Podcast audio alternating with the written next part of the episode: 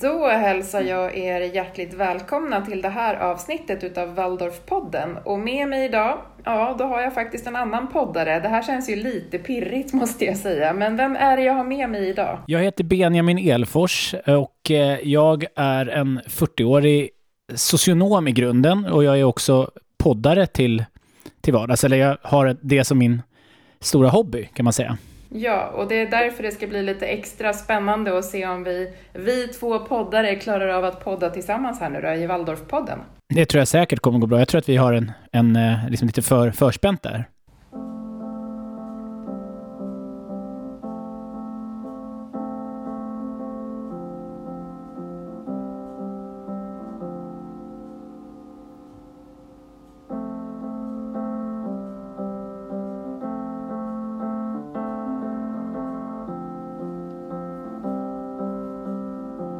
Då ska ni återigen vara hjärtligt välkomna till det här avsnittet utav Waldorfpodden och med mig idag då som sagt Benjamin Elfors. Ända ifrån var då någonstans? Det pratade vi aldrig om. Jag är ju en Farstabo från, eh, från grunden. Född och uppvuxen där. Eller egentligen inte född där, men uppvuxen där. Så att jag har hållit mig på gröna linjen i merparten av mitt liv. Så att, och nu bor jag i Enskededalen i Blåsut i Stockholm.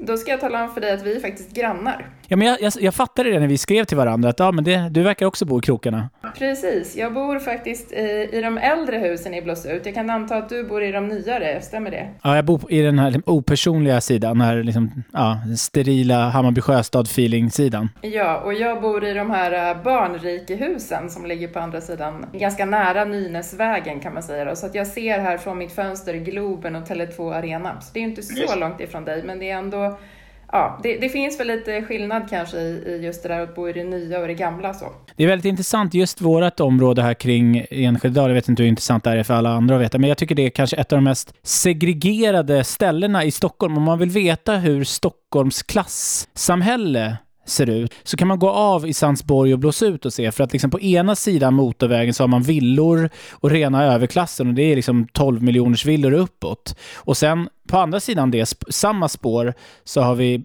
hyresrätter och, och, och skjutningar. Och sen lite längre bort därifrån så bor bor jag då i de här bostadsrätterna där ja, det är barnfamiljer och medelinkomsttagare som bor där. Så att det, det är väldigt så här, en radium någon kilometer bara, väldigt segregerat. Mm, ja, jag känner igen det där. Jag brukar ofta jämföra just precis det där som du säger nu, att jag brukar jämföra just dalen som man pratar om, alltså på den sidan som, som dalens centrum ligger i och just motsatta sidan där, att det, att det är liksom som två helt olika världar. Mm, ja, verkligen. Ja, men jag trivs jättebra i barnrikehusen i alla fall här i Blåsut, även om det ibland kan vara lite dragigt och sådär jämfört med säkert hur ni har det som bor i de nyare husen så. Vi på den fashionabla sidan. Precis, jag bor mer i den här gamla avdankade sidan så, men, men det är fint här också. Men nu är det inte det bara vi ska prata om idag, utan jag blev ju så himla glad när du tackade ja till att vara med i ett avsnitt av Waldorfpodden. Dels för att jag vet att du, precis som Erik som vi haft med i ett tidigare avsnitt och också Mikaela som har varit med i ett tidigare avsnitt, har lite grann med Martinskolan att göra. I alla fall hade du det en gång i tiden. Och dels därför att du just som sagt också poddar, precis som jag. Och det är alltid roligt att ha med en annan poddare, eller i alla fall prata om hur det är att podda. Jag tänkte att vi skulle inleda med att gå lite tillbaka i tiden och då tänkte jag fråga dig först hur du kom i kontakt med Waldorfskola eller Waldorfpedagogik. Jag hade ju väldigt lite att säga till om när det kommer till att ha hamnat i en Waldorfskola. Ungefär lika lite som ett barn som föds i Sverige kan säga till att jag vill inte bli född här. Eh, så var det för mig med Waldorf för att mina föräldrar var båda eh, starkt involverade i Waldorfrörelsen när jag föddes 1980. Det var min, min mamma är, är från, eller var från Israel och kom hit eh, på 60-talet. Och hon var en, en, den första då i vår familj som kom i kontakt med det antroposofiska. Och hon började jobba på en, en eh, skola för för eh, funktionsnedsatta barn då, som ligger i Årsta, som heter Årsta, Årsta gård. Eh, finns, den finns fortfarande. Och, sen så, och min pappa var vid den tidpunkten en, en väldigt skeptiker och tyckte att allt vad antroposofi hette, det lät flummigt och det var tomtar och troll och, och eh, älvor och det ena med det andra. Men sen så började han långsamt höra, höra om de här, liksom om pedagogiken och så. Så han blev, han blev sen också lärare. Eh, och sen blev han lärare på Martinskolan till slut då där han jobbade i många, många år. Så att när jag föddes, då var mina föräldrar djupt nere i smeten. Så att jag, ja, jag, så, så var det helt enkelt. Så det var ju helt givet för mig att börja i klass 1 i Martinskolan då. Jag är ju uppväxt i Farsta så det var ju den, den närmsta skolan också. Men gick du på förskola innan då också då, eller gick du direkt till skolan? Jag gick vanlig förskola, jag gick kommunal förskola, men däremot så gick jag på lekis sen, när man var sex eller något sånt. Innan, innan eh, skolan så, så gick jag på Waldorf lekis ett par år också. Kommer du ihåg någonting av hur det var att börja i första klass, när du började på Martinskolan? Ja, men det gör jag faktiskt. Det roliga, dels har jag, är mitt minne stärkt av bilder som jag har från den tiden. Men det var en sån här grej som i alla fall var tidigt, jag kan inte svära på exakt hur tidigt det var, men det var att man fick sån här eh, korojflöjter. Vi fick en, liksom en flöjt som hade två toner bara. Så det, var, det var ju ett hål på den, så kan man, man kan spela med, med, med öppna, öppen, öppen hand och sen lägga ett finger på det där hålet. Och väldigt tidigt in då i, i, i klass 1 så spelade vi en låt som hette Dvärgar små. Det var ju bara två toner på den, så dvärgar små, så tysta, gå och så vidare. Så här. Och det, jag, jag kommer ihåg hela den låten och hela texten och så. Och det var ju såna fina fina stunder. Vi satt i en ring hela klassen och det var väl ett sätt att få någon slags gemenskap. Så det, det är mitt första så här, klass 1-minne. Har du kontakt med några då från den tiden fortfarande också sådär, eller är det, har ni skingrat? Nej, absolut. Alltså, dels så spelade jag i band i jättemånga år. Eh, vi startade 1995 ett band och sen spelade vi ja, men i 13 år. Och det var ju tre av medlemmarna därifrån. Vi var ju tre som hade gått i samma klass och sen så eh, Magdalena som jag gör podden, min podd Kunskap bit för bit med. Hon är i allra högsta grad involverad i den. Hon, hon var ju också klasskompis med mig. Så att eh, jag har absolut folk kvar från den tiden. Mm, ja, Magdalena har jag koll på. Hon bor ju inte så långt ifrån dig och mig, så henne stöter man på ibland. Det är ju roligt liksom, så att man, man har lite kontakt med före detta elever och så. Hon gick ju i den första gymnasieklassen som jag hade på Martinskolan när jag hoppade in och vickade som lärare där mitt allra första år, vilket ju var länge sedan. Men då hade du redan slutat faktiskt när jag började jobba där. Så det var mm. väl att du precis hade lämnat. Jag slutade ni e- efter nian. Och hur kom det sig då att du gjorde det? Nej men dels var det väl att jag ville, ville se mig vidare. Jag ville liksom komma till någon ny miljö. Men också på den tiden så var jag väldigt inne på det här med film och tv-produktion och sånt. Så att eh, jag gick Kärrtorps gymnasium som hade ett medieprogram där. Så det var också en av anledningarna att jag slutade. Hur kändes det då när, när de andra var kvar, så att, att du ändå vågade ta det klivet och, och lämna tryggheten som det oftast är? Ja, det var ganska oproblematiskt skulle jag säga. För, för min del så var det faktiskt också ganska nyttigt att få se något annat, för att jag hade, jag hade levt i den här Waldorfbubblan ganska länge. Eh, så det var ju också, och, och i, i, mitt hem där jag växte upp, då var ju liksom allt som inte var Waldorf var ju ont och farligt. Min pappa var väldigt sådär antroposofisk på det sättet och att det var nästan som att man, jag, jag, jag växte ju upp med, med tron att, att vanliga skolan kunde skada en pedagogiskt och själsligt. Vilket det visade sig, det var inte fallet sen när jag började gymnasiet. Inte vad jag vet i alla fall. Nej, och jag kan väl bara flika in att jag har ju gjort samma erfarenhet som du. Jag slutade nämligen också efter årskurs nio och gick vanligt gymnasium. Och jag tror att man överlever det också, som jag brukar säga. Så att det är nog ingen fara faktiskt. Mm. Det, det, det, blir, det blir folk av dem också. Jajamän. Vi sitter ju här nu du och jag, eller hur? Det är folk av oss, definitivt. Ja. Så. Och jag känner många som just har slutat efter årskurs 9 på Waldorfskola. Dels för att det kanske inte fanns något gymnasium där de gick på den skolan då, så att säga. Alltså inget 12-årig skola. Men också för att man precis som du beskriver kände att nej men nu, nu kan jag det här. Nu vill jag göra något annat. Eh, vad gjorde du sen då när du väl hade gått på Kärrtorps gymnasium där i några år? Ja, dels var ju någonting som upptog mig då väldigt många år efter skoltiden, det var ju att hålla på med musik. Och jag spelade som sagt i ett band i många år. Och vi, vi flyttade till Berlin och hade skivkontrakt och försökte, jag levde ju i tron om att jag skulle bli en stor rockstjärna helt enkelt. Så det här är som en... Jag lever en kraschad rockstjärnedröm nu som, som socionom och poddare. Nej, men sen så hade, har jag alltid gillat att skriva mycket så att jag eh, hoppade ju på jag gick Poppius journalistskola, sen läste jag svenska på högskola och sådär. Ja, så det var väl det jag gjorde direkt efter gymnasiet. Så åkte jag till Israel som är ganska klassiskt att göra som jude, som jag är, att man åker eh, och, och liksom volontärarbetar och så. Men sen, så att jag, jag trodde ju som sagt att jag skulle bli musiker och sen så var det ju långt senare som, som 30-åring som jag hoppade på en, hö, en, liksom en yrkeshög, liksom en högskoleutbildning där, där, där jag fick erkänna mig besegrad. Hur kändes det då när du var tvungen att, att liksom lämna de här ursprungliga tankarna och istället rikta in dig på något annat? Ja, men det är ju alltid liksom, det är, det är tråkigt. Alltså, jag har ju alltid när jag har angripit saker, och det gäller ju även mitt poddande nu, så jag gillar inte att göra saker bara så här lite halvdant så, utan jag vill, jag vill, jag vill bli bra och, och liksom presentera någonting så bra som möjligt. Så att det var ju samma intention jag hade med musiken. Så att det är klart att det var, det kändes ju som en, ett nederlag så. Och sen var det just att det, det var, ju, det var ju härligt att vakna 12, 12 på dagarna och hänga i en replokal med sina bästa kompisar. Det, det tror jag många skulle vilja göra.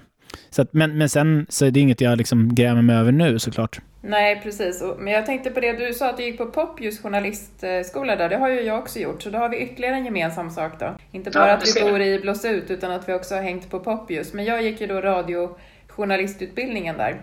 Vilket år gick du? Eh, oj, det är länge sedan. Det är, vi pratar eh, sent 90-tal. Ja, men då är det ganska nära, för jag gick 2000. Ja, ja. ja, men då är det inte så länge sedan då emellan där. Men jag kan ju säga att jag försökte mig på den här banan att, att just jobba inom radio, men, men det är svårt. Det är jätte, jättesvårt. Det är många som blir anställda i bara tio månader och sen så kan man inte ha kvar sitt kontrakt så att säga. Så att jag tröttnade och det var faktiskt det som gjorde att jag sökte mig till ett lärarjobb istället och så småningom då hamnade på Martinskolan istället. Det är ett bra ställe att hamna på skulle jag säga. Absolut, jag har lärt mig massor under de åren som jag jobbade där, definitivt. Men det är ju väldigt roligt att också ändå kunna plocka upp saker och ting långt senare när man har gått just en sån journalistutbildning som Poppius nu ändå är, liksom, kan man säga. Att man kan dra nytta av det sen långt senare också. Ja, roligt, ja men verkligen. Jag håller med. Tillbaka till det här med, du sa det här att ni hade drömmar med, med bandet och sådär också. Ni bodde i Berlin sa du? Ja. Var det där ni hade fått skivkontraktet eller var det här i Sverige ni hade fått det? Nej, det var ett tyskt skivbolag som vi, som vi blev kontrakterade av och sen, ja, så flyttade vi ner dit 2006 och så bodde vi där i nästa, eller ett, ett, år. Men är det så att det är vanligt tror du att man har just de här drömmarna när man har liksom gått, alltså slutat gymnasiet och tänker att nu ligger världen för oss här och så att man liksom gärna hakar på de där bitarna och tänker att nu ska jag bli just den här rockstjärnan eller nu ska jag bli popstjärna eller sådär? Eller tänker du att att det där är bara en slump som avgör var man hamnar. Nej, men det är väl en ganska klassisk liksom post, postpubertal dröm. Eh, och jag, just då, då, då, vi startade 1995, det var ju grunge-eran.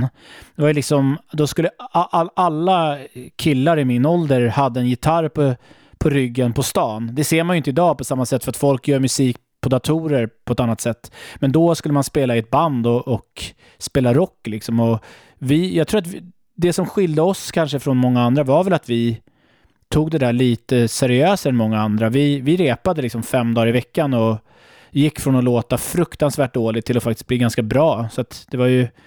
Ja, men så det, för min del då, på den tiden, så var det inte bara en dröm, utan jag trodde att det skulle bli en verklighet. Jag såg mig själv stå på Ullevi, liksom, men sen, sen blev det ju aldrig ens nästan så. Men det var ju ändå så här, det var min ingång.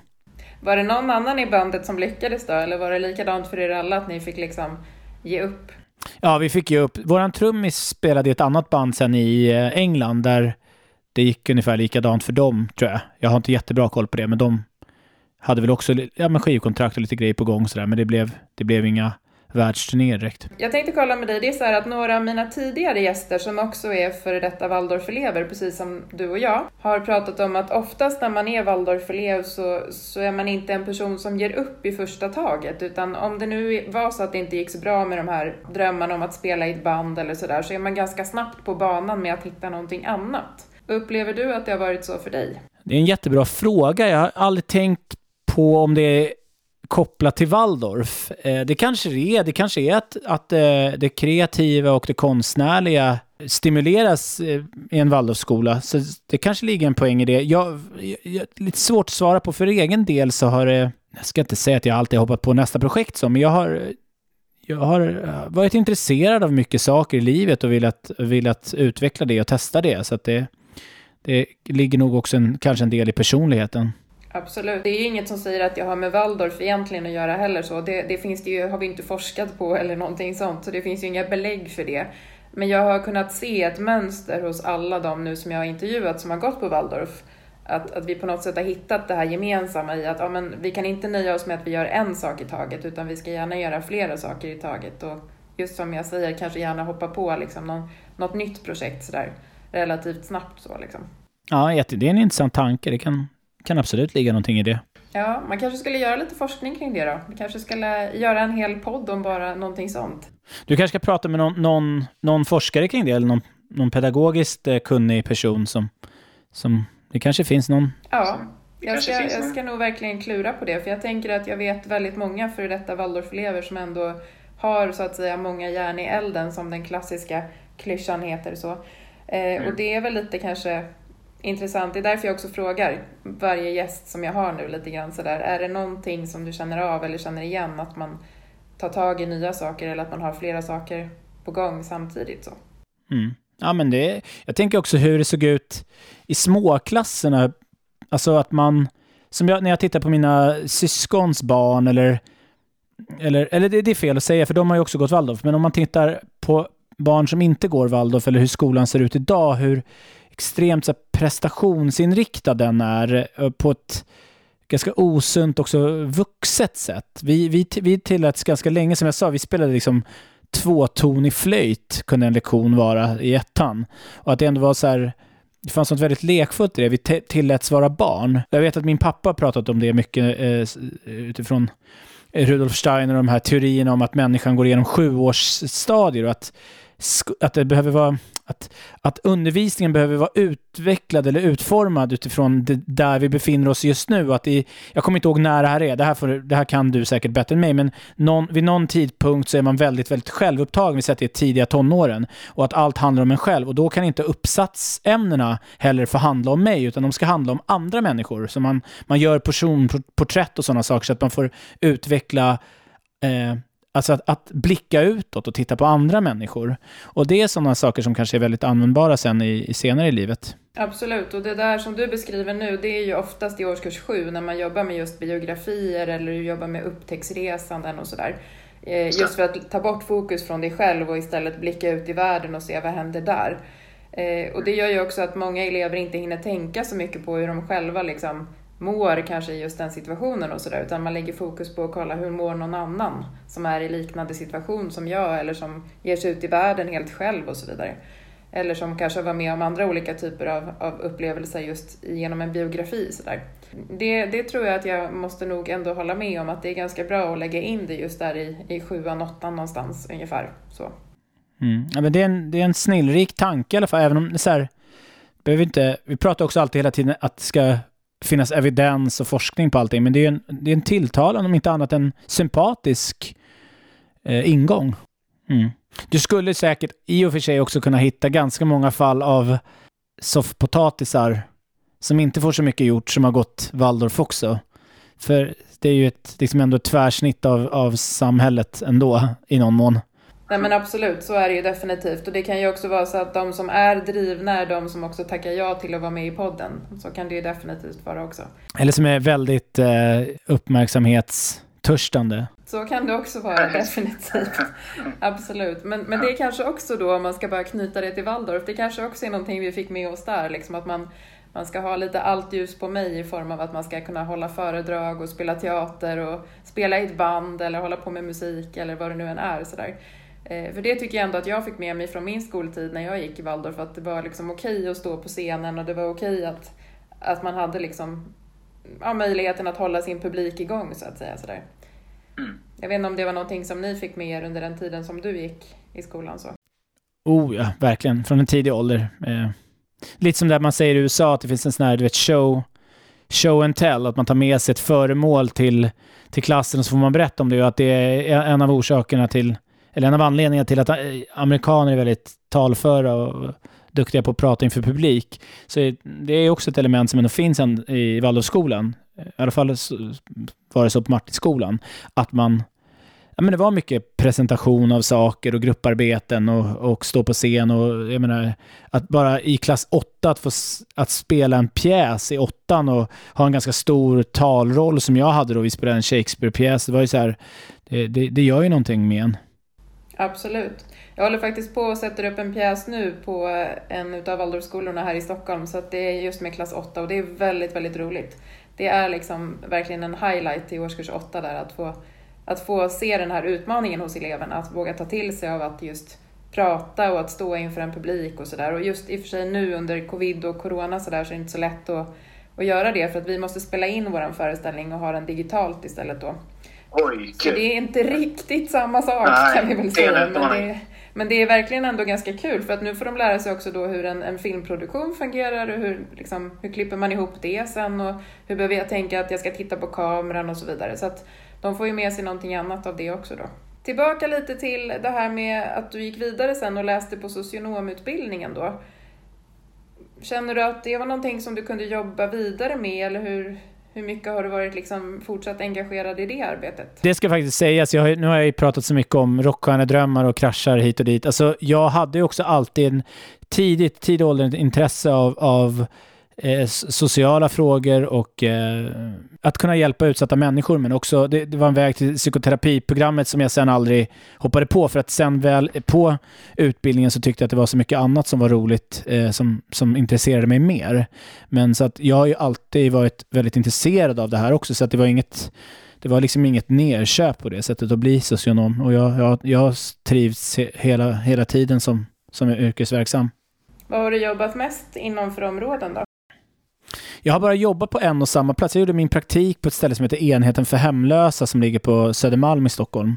Som är en, en social, ett socialtjänstkontor som är inriktat för, för den här målgruppen hemlösa personer i Stockholm. Och där har jag varit, jag gjorde min praktik och sen så blev jag socialsekreterare som det heter. Och nu är jag chef på samma mottagning. Så att jag har gjort bara det i, i mina åtta yrkesverksamma år. Det är inte så bara, det är ett ganska ansvarsfullt arbete måste man säga, det du gör. Absolut, det är det. Och det är ett, det är ett eh, utmanande arbete. Men, det, men det, jag har liksom ingen så här bred palett av, av andra, andra verksamheter. Känner du att du har hamnat rätt, liksom? att, du kan, att du kan få ut saker av att vara där du är nu och så? Nu har du ju varit där ett tag ändå, så du kan få lite perspektiv på det hela kanske ändå. Absolut, det, det tycker jag. Det, men det, som, det, som det är med jobb, jag, jag, eh, att bli chef, som jag blev för snart fyra år sedan, har ju också blivit en, en ny, ytterligare en ny utmaning. Så jag liksom, har varit som ny på jobbet på en plats jag redan känner till i övrigt. Men, men så att jag har ju haft, jätte, haft jättetur att kunna få utvecklas och så. Men sen på sikt så, så är det väl kanske dags att kolla på andra saker också. Men det är inget som jag gör nu. Men eh, jag, jag, jag är nog inte resten av livet där, så att säga. Om du skulle få drömma fritt då, vad skulle du vilja göra då? Det är ju ändå det här konstnärliga som är mitt huvudkall. Alltså, att tänk, tänk att kunna få leva på att göra podd. Eller få, som jag har hållit på lite med på extrem amatörnivå, alltså hållit på med dokumentärfilm och sånt, att få ja, men uttrycka sig med bild, bild eller ljud.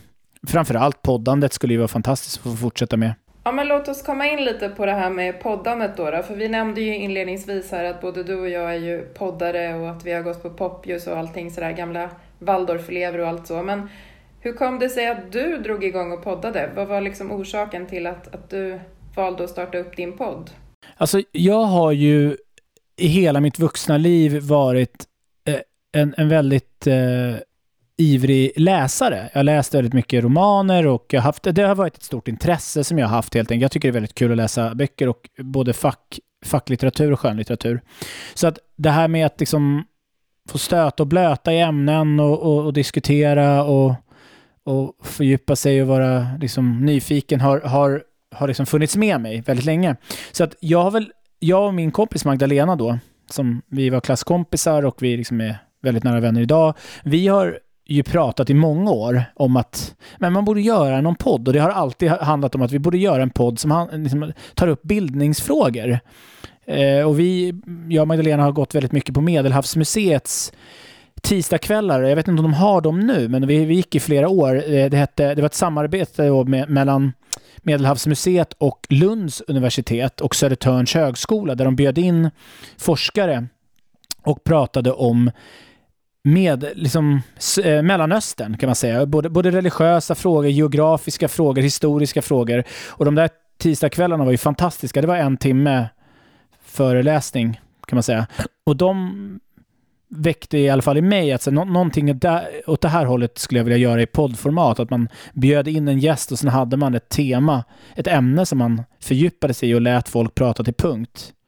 Så att det var så, så, då, så snacket har gått under lång tid.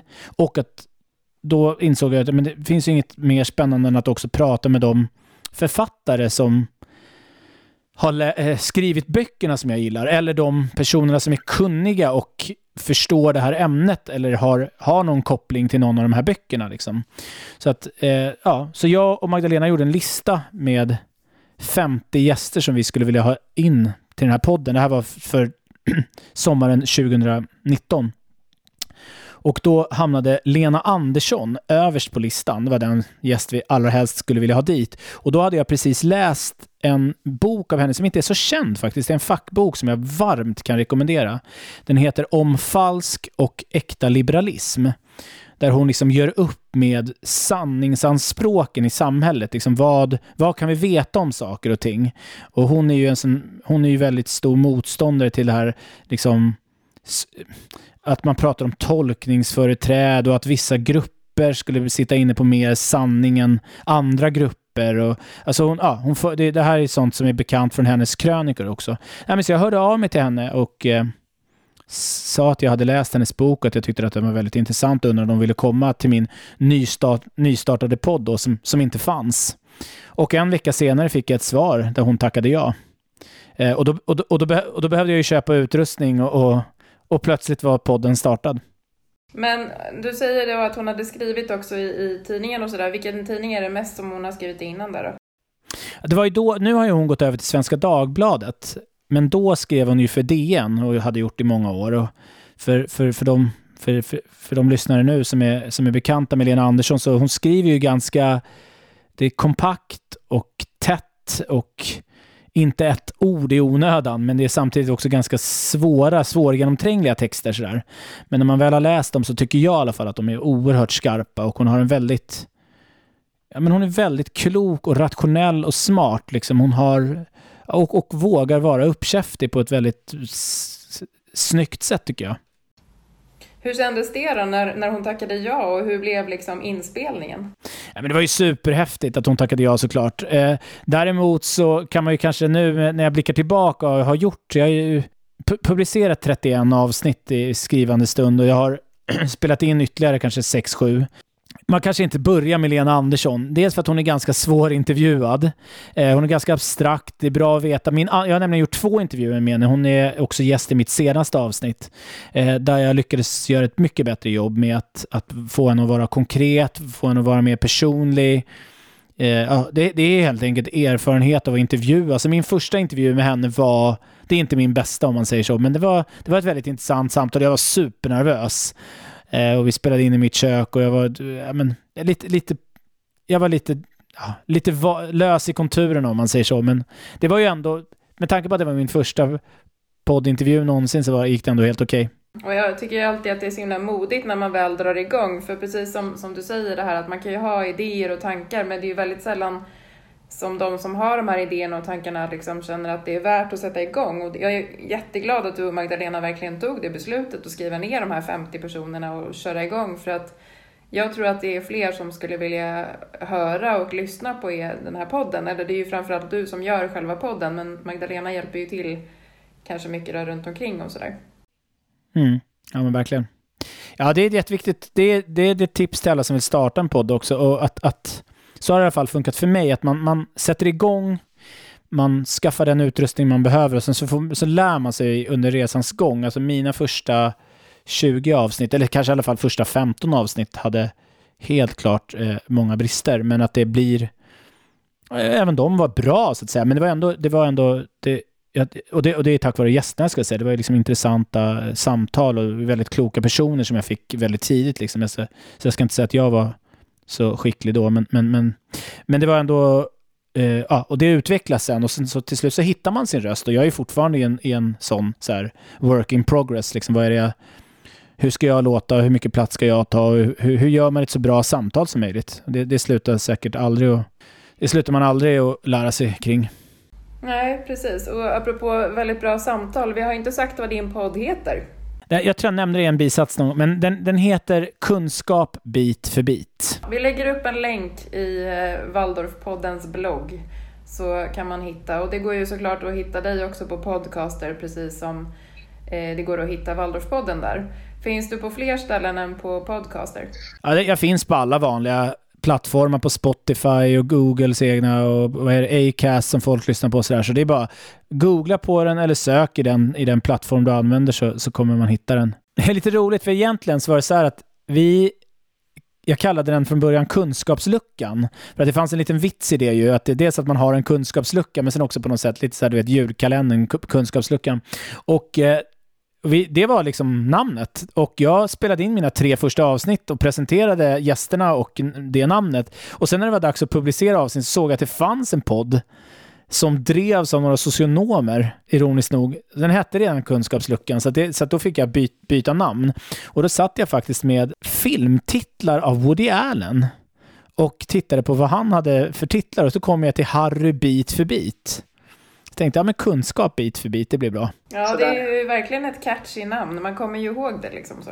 Det, det är det viktigaste. Du, du hade ju där Alena som första gäst. Vilka andra typer av gäster har du haft? Alltså jag har haft helt otroliga gäster. Alltså det är verkligen så här, folk, det är en väldigt vanlig fråga som jag får från, från lyssnare och från bekanta. Så här, hur har du fått in alla de här gästerna? Jag är liksom, det är i stort sett alla Sveriges, eller alla ska jag inte säga, men en stor del av Sveriges kulturelit eller kulturpersonligheter. Alltså vi har flera journalister som Martin Schibbye, Fredrik Strage, jag har haft Kajsa Ekis Ekman, jag har haft eh, vad heter det, katolska biskopen Anders Arborelius, jag har haft den protestantiska Svenska kyrkans högsta högsta eh, biskop eh, Antje Jackelén.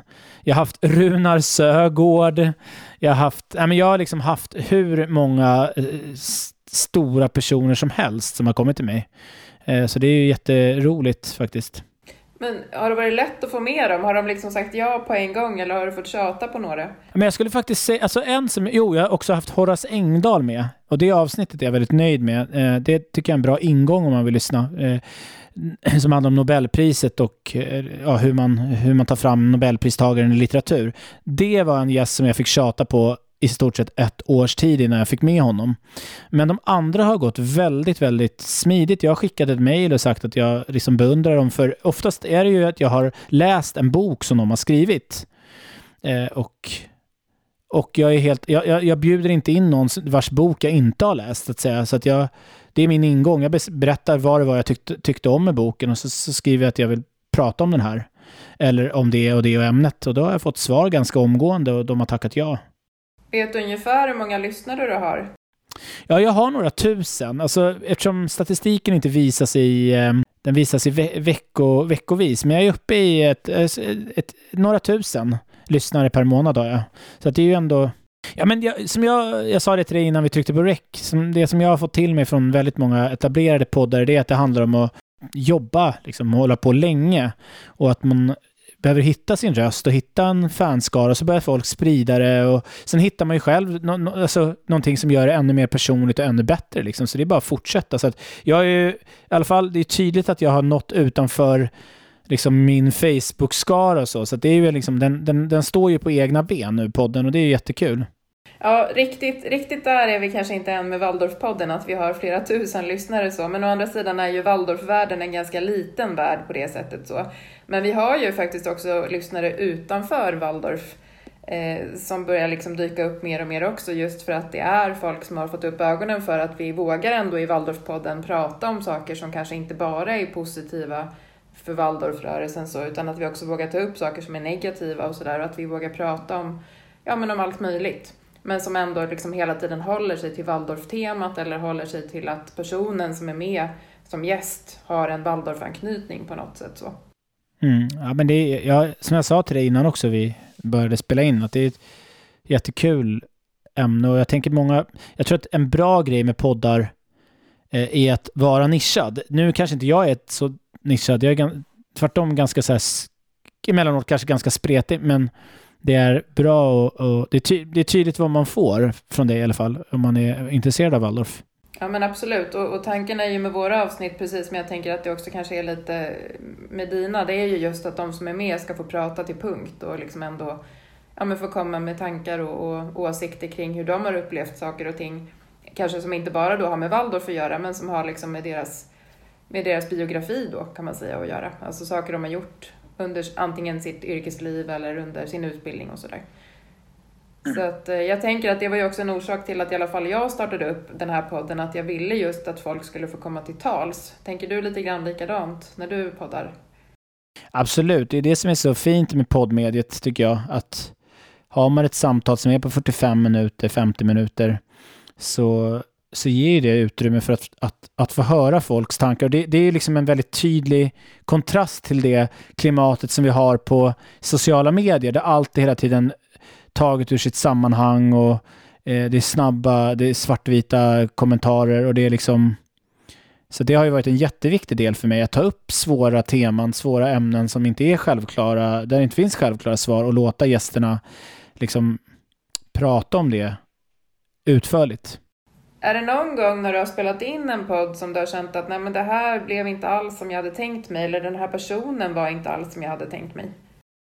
Verkligen. Det, jag skulle säga att det händer ofta. Det är spännande. Det där är också någonting som jag inte vet om det någonsin går att kontrollera eller bli, ha koll på det. Men det är alltså hur in, vissa intervjuer far iväg och vissa gånger kan jag känna wow, här har vi ett, här har jag hittat en bra ingång och liksom den gästen har hittat mig. Och andra gånger har det inte varit så. I, i det stora hela skulle jag säga att jag har haft, gett, alltså alla mina gäster har varit fantastiska. Jag, jag är verkligen supertacksam för alla som har kommit med och eh, jag, jag, tycker att alla avsnitt har, har absolut liksom någonting matnyttigt, helt klart. Men det har varit ibland en dynamik som, som har varit svår att sätta fingret på. Så att absolut har jag haft eh, avsnitt där jag känt efteråt att så här, nej, men jag hade nog kunnat gjort jag hade nog kunnat röra om i den här grytan bättre än vad jag gjorde.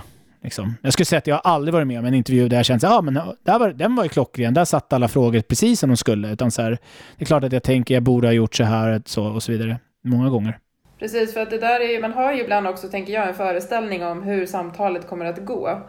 Och så går det liksom i, i någon annan riktning, eller som du säger, man får inte svar på de frågorna som man har ställt. Har du några konkreta tips? Till mig som inte är lika van poddare som du är. För jag tänker att nu har vi gjort ungefär i och för sig lika många avsnitt, men jag tänker att du har ju för det mesta i alla fall intervjuat gäster som kanske är lite mer välkända än mina gäster. Precis, alltså en, en sak som jag, några saker som jag märkt. Det ena är att vara väl förberedd, att man gör sin research eh, kring ämnet. För min del är det så att jag behöver inte veta så mycket om gästens biografi, men jag behöver ändå ha läst boken som personen har skrivit och jag skriver ner stödord och frågor innan kopplat till det här så att jag kommer ändå rätt med på vad vi kommer prata om liksom innan. Och sen så har jag märkt att inte vara heller för låst vid de frågorna man ställer innan, utan också, alltså det är viktigt att lyssna aktivt och att våga kliva på de här spännande sidospåren som gästen tar en till. Det, det är många gånger där mina mest de roligaste samtal jag haft och de bästa avsnitten har varit när jag har liksom vågat ja, men, gå, gå någon annanstans ihop med, ihop med eh, gästen. Liksom så. Eh, så det, ja, lyssna på svaren och se till, tänk vad lyssnaren tänker här. Vänta, är det där som personen sa vill jag veta mer om? Då ställer man frågor om det. Så det, och sen är det ju såklart mycket som kan räddas i klippbordet. Jag har blivit mycket, mycket bättre på att klippa. Eh, och inte så att jag fuskar eller någonting, men jag tajtar till och jag rensar och eh, tar bort stora sjok och ibland så, så tycker jag att svå- frågan redan är besvarad efter två minuter, så då kanske jag klipper bort sju minuter eh, och får ett tajtare svar bara helt enkelt. Det som många missar är ju att det tar ganska lång tid att klippa i alla fall inledningsvis tar det rätt lång tid att klippa. Sen blir man ju som du säger bättre och bättre på det och lär sig att hitta liksom olika sätt sådär. Men jag vet att det är det jag har lagt allra mest tid på inledningsvis då, att sitta just och klippa bort olika saker eller som du säger, besvarades frågan så behöver jag inte upprepa det samma sak en gång till och sådär. Eh, hur tänker du att, att det har varit? Har du känt att det har tagit mycket tid i anspråk och så eller har det rullat på? Ja, men verkligen. Klippning är det, det, kan all, det kan alltid bli en procent bättre. Så att det, det, kan, det, det, det, tar absolut tid. Det där blir man ju också såklart bättre på snitsigare. Och jag vet att min gäst Erik Skylt, som jag, han är ju också poddare. Eh, han har podden Myter och Mysterier och är radiojournalist, jätteduktig. Han och jag träffades innan eh, jag ens hade spelat in mitt första avsnitt och han pratade ju också om det här att när du samtalar sen med gästen så kommer du veta att de här första 20 minuterna kommer inte jag ens ha med. Eh, utan man lär sig efter ett tag att, men vänta, jag, det där var fel ingång. Och sen så hittar man den där öppningsfrågan som sen blir öppningsfrågan. Så att sådana saker blir man ju också bättre på. Men klippningen tar absolut lång tid och den är, är tror jag är väldigt viktig att lägga tid på för att det är där mycket blir gjort. Som blir, eller det är där man tajtar till saker. Och nu ska inte jag säga, säga att jag är någon fullfjädrad klippare och klar med det, men, men man, det där blir man bättre på. Och jag tycker att många poddar lider av att det är för långa intron. Att man liksom på något sätt tänker podden lite för kronologiskt, eller avsnittet lite för kronologiskt. Att från det att man har tryckt på rec och när man har pratat om hur var resan hit och ja, morgonkaffet då, var det gott? Alltså, det är inte så intressant. Så jag försöker vara ganska rak, rak på sak, liksom komma till kärnan. Sen har jag märkt att jag ibland också kanske ställer, jag skulle kanske ha ställt en ännu intressantare öppningsfråga. Sådär. Att även om jag är snabb in i ämnet så skulle man kanske vilja komma åt det roligaste först på något sätt. Så det där är ju också en konst. Om vi ska gå tillbaka till det här med Waldorf, som faktiskt då ändå är meningen med den podden som jag gör, alltså Waldorfpodden. Hur pass mycket kontakt har du med Waldorfvärlden idag? Jo, men jag är lite, som, jag är lite åskådare idag, kan man säga. Jag har ju mina syskons barn som går på Waldorf. Det är min brors barn då som fortfarande går på Waldorf. Sen min syster hade sina barn i Waldorf, men de har, de har alla gått ur, gått ur skolan nu. Så jag har ju sett det den vägen och jag har varit på olika pjäser och uppträdanden och specialarbeten, eller tolvårsarbeten och sådär. Har jag varit på. Eh, och sen så har jag också mina, alltså jag har kompisar som har barn i Waldorfskola. Jag har koll på det den vägen också för att höra lite vad som händer. Och, och gläds av att det, det, verkar ändå vara på många sätt ändå intakt. Så med periodhäften och perioder överhuvudtaget och sådär. Så att det, ja, nej men så att jag, jag, jag, jag, titt, jag tittar på kan man säga. Precis. Är det någonting som du märker av från, från dina syskonbarn och från vänners barn och sådär? Märker du att det är någonting som skiljer sig åt nu mot när du gick? Ja, alltså en sak som jag har förstått i alla fall i Martinskolan, det är ju att, att man har tagit in laptops och det har blivit mer datoriserat. Jag vet inte om det är någonting som är det är väl förmodligen kanske ett krav från Skolverket eller något sånt där, men det tycker jag är lite tråkigt. Alltså, är det någonting som, nu låter jag som en sån här gammal gubbe, men jag, jag verkligen tycker det här, att är det någonting som barn inte behöver komma i kontakt med mer idag så är det väl smartphones och laptops och datorer. Det, det är liksom, på min tid, då behövde man lära sig det i skolan för att det var så sällsynt att någon hade en dator hemma. Idag är ju alla elever bättre än lärarna på en dator. Nej, men så det, det är någonting som jag har sett ändå, lite till, till min förfasan, att, att det verkar bli mer som, som kommunala skolan, eller som vanliga skolan, om man ska säga på det sättet. Och det är ju ett sånt digitaliseringskrav som, som kommer just, som du säger, från Skolverket, men de har ju fått ett uppdrag från regering och riksdag, får man ju komma ihåg också, så att det är inte de som har kommit fram till det här från början, utan det har ju kommit högre uppifrån, så att säga. Så att senast idag var jag faktiskt med på ett eh, webbinarium som det så tjusigt heter, där de pratade om det här att vi håller på att digitalisera bort det pedagogiska i skolan. Just för mm. att det digitala ska in så väldigt mycket. Och då vill jag betona att det var inte några Waldorfmänniskor som pratade om det här, utan det var Lärarförbundet som hade det här webbinariet. Mm, spännande. Jag fick ett eh, mail från en lyssnare eh, härom, härom veckan faktiskt med tips på en Lund professor, nu kommer inte jag ihåg vad hon heter, men jag kollade upp två av hennes böcker som jag har beställt nu, som, som jag kommer läsa. Jag kommer bjuda in henne till podden, där hon pratar om varför svenska skolan har förfallit och varför betygen är så undermåliga. Och jag, jag tror att, alltså utan att ha läst en rad, men det här är bara jag spekulerar och det, det, man, men det, man, det man hör i debatten i alla fall, det är att, att skolan är, är så långt ifrån Waldorfskolan idag Alltså den övriga, alltså att, och tyvärr då behöver Waldorfskolan anpassa sig till den här övriga världen. För att jag tror verkligen att många av de saker som Waldorfpedagogiken för med sig är väldigt positivt för lärandet. Jag behöver bara gå till mig själv i alla fall för att, för att kunna se sådana saker. Är det någonting annat du skulle vilja delge oss innan vi rundar av det här poddavsnittet?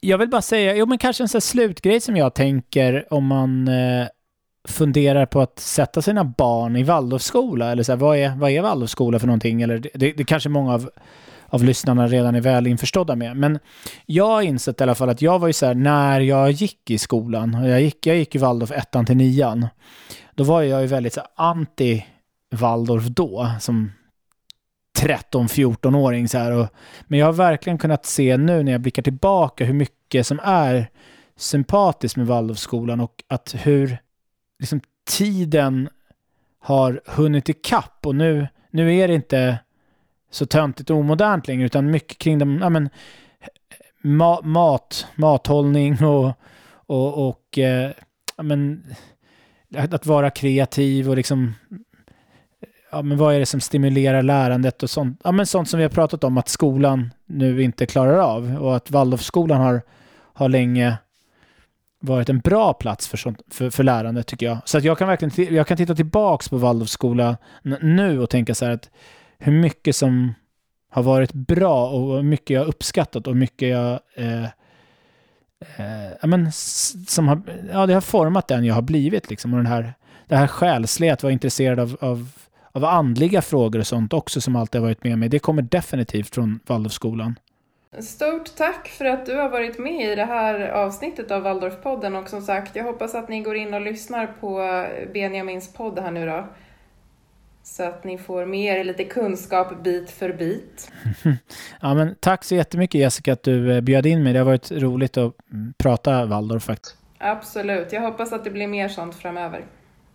Det, det hoppas jag också.